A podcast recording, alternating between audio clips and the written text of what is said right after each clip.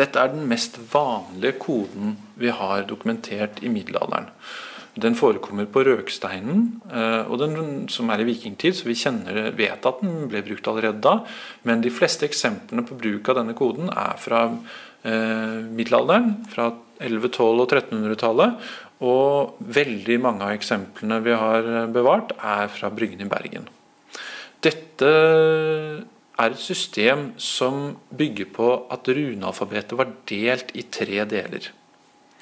Uh, runealfabetet hadde jo en annen rekkefølge enn vår egen, vårt eget alfabet. Begynte, vi kaller det ofte futark, fordi det begynte med de første seks runene med lydene FU, også TH-lyden og ARK.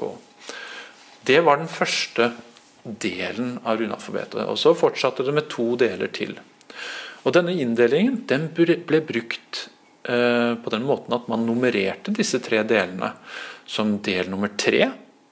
Det var første del. Del nummer to det var andre del, eller midterste del. Og del nummer én var siste del. Så man gjorde det litt avansert ved å nummerere disse delene i runalfabetet baklengs, kan man si.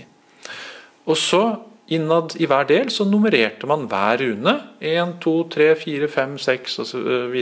Ut fra hvor mange runer det var i hver del. Og Med de to tallene så kan man nærmest som et koordinatsystem oppgi hvilken rune man mente.